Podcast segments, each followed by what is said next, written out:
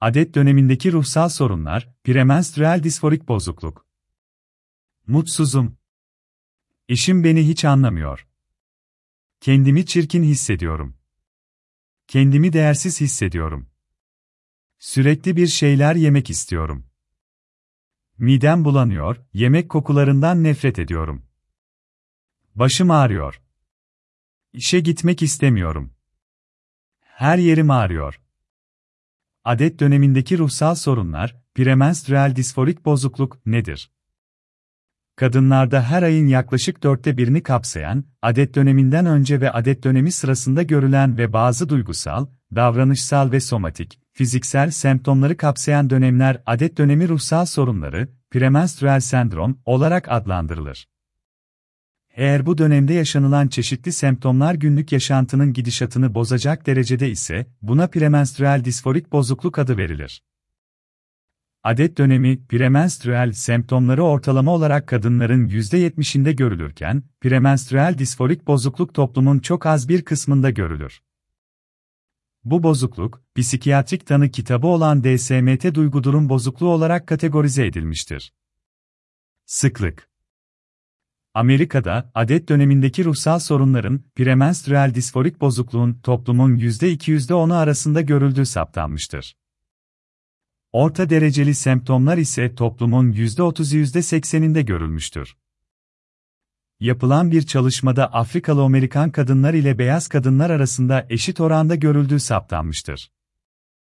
Yapılan çalışmalarda semptomların ortalama görülme yaşı 20'li yaşlar, tedavi için başvuranların yaşı ortalama 30'lu yaşlar olarak gözlemlenmiştir. Nijerya'da yapılan bir araştırmada kadınların %7,5'un bu dönemde işe gitmediği saptanmıştır. İsveç'te yapılan bir çalışmada ise, kadınların %73'ünün adet öncesi semptomları olduğu ve %2'sinin bu dönemde işe gitmediği gözlemlenmiştir. Diğer araştırmalarda bu bozukluğa sahip kişilerin birinci veya ikinci dereceden akrabalarında da duygudunun bozukluğu olduğunu gözlemlenmiştir. O alanda yapılan bir diğer araştırmada, hastaların %65'inin birinci dereceden akrabalarında majör depresif bozukluk olduğu saptanmıştır. Semptomlar Bu sorunun, bazıları depresyon belirtilerine benzerlik gösteren ve sıklıkla karşılaştığımız semptomları aşağıda sıralanmıştır.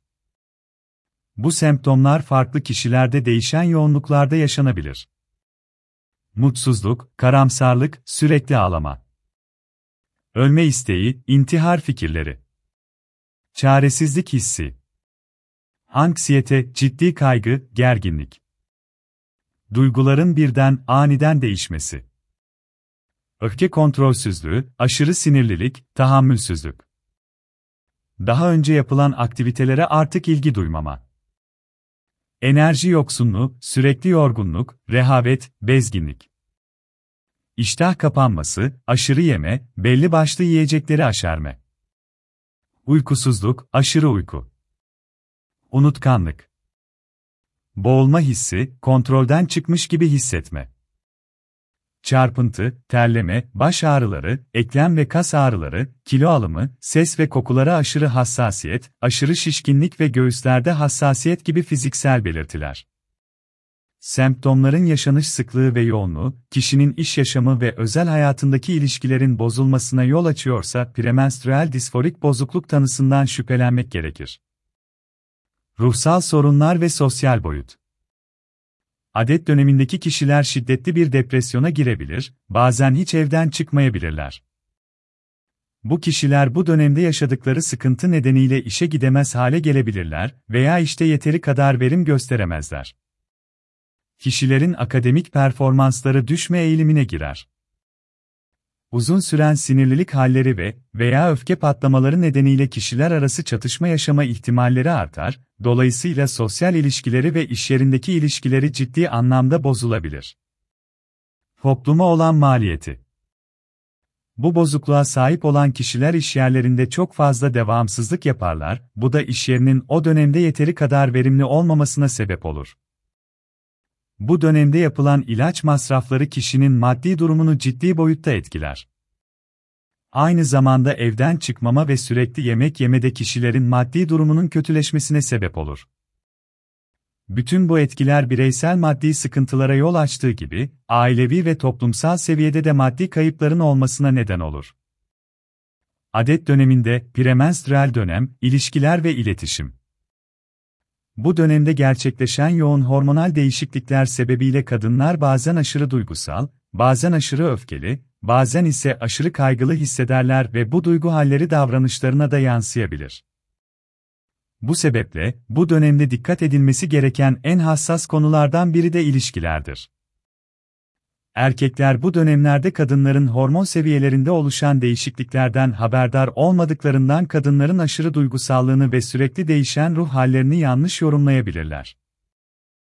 Bu konu ile ilgili bilgi eksikliği yanlış değerlendirmelere yol açabildiğinden kadınların bu dönemlerinde ilişkilerinin yıpranma olasılığı oldukça yüksektir. Kadın, içsel değişikliklerin yanı sıra bu dönemde bazı fiziksel değişikliklere de uğrar. Vücut su toplar ve şişer. Yüzde ve vücutta akneler oluşur. Bazen aşırı terleme de görülebilir.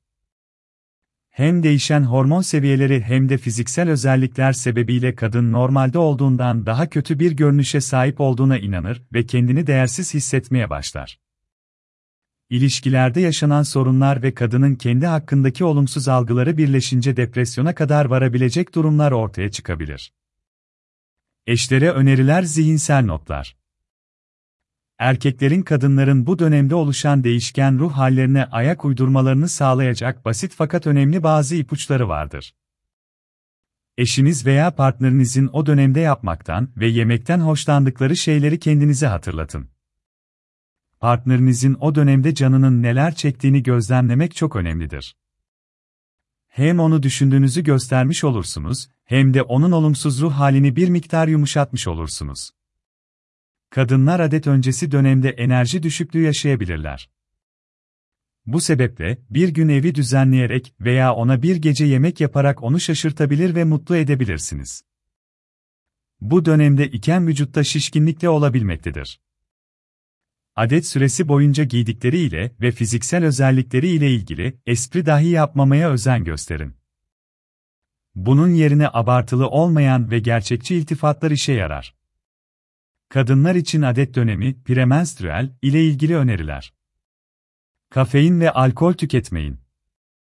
Az ve sık yiyin portakal, elma, armut, lahana, kuru fasulye, nohut, karnabahar gibi şişkinliğe sebep olacak gıdalardan kaçının. Yürüyüş yapın. Tedavi yaklaşımları Bu sendromun sebebi her ne kadar hormonal olsa da, aşırı duygusal ve davranışsal sorunlar uzun dönemler boyunca sürebildiğinden ve veya bu sıkıntılı dönemler her periyotta tekrarlama eğiliminde olduğundan, tedavisi psikiyatrik ve psikolojik yaklaşımları gerektirir. En etkili ilaçlar antidepresanlardır. Beraberinde kalsiyum, magnezyum, A, E ve B6 vitamin takviyesi yapılabilir. Adet dönemi sendromun tedavisi adet döneminde başlayıp biten bir süreç değildir. Bu bozukluk için hem ilaç tedavisi hem de psikoterapi daha kalıcı çözümler sunar. Psikoterapi sürecinde önemli husus, kadınların bu dönemde geliştirdikleri kalıplaşmış bazı olumsuz düşüncelere duyarsızlaşma yapmaktır. EMDR yöntemi ile bu konuda oldukça iyi sonuçlar alınmaktadır.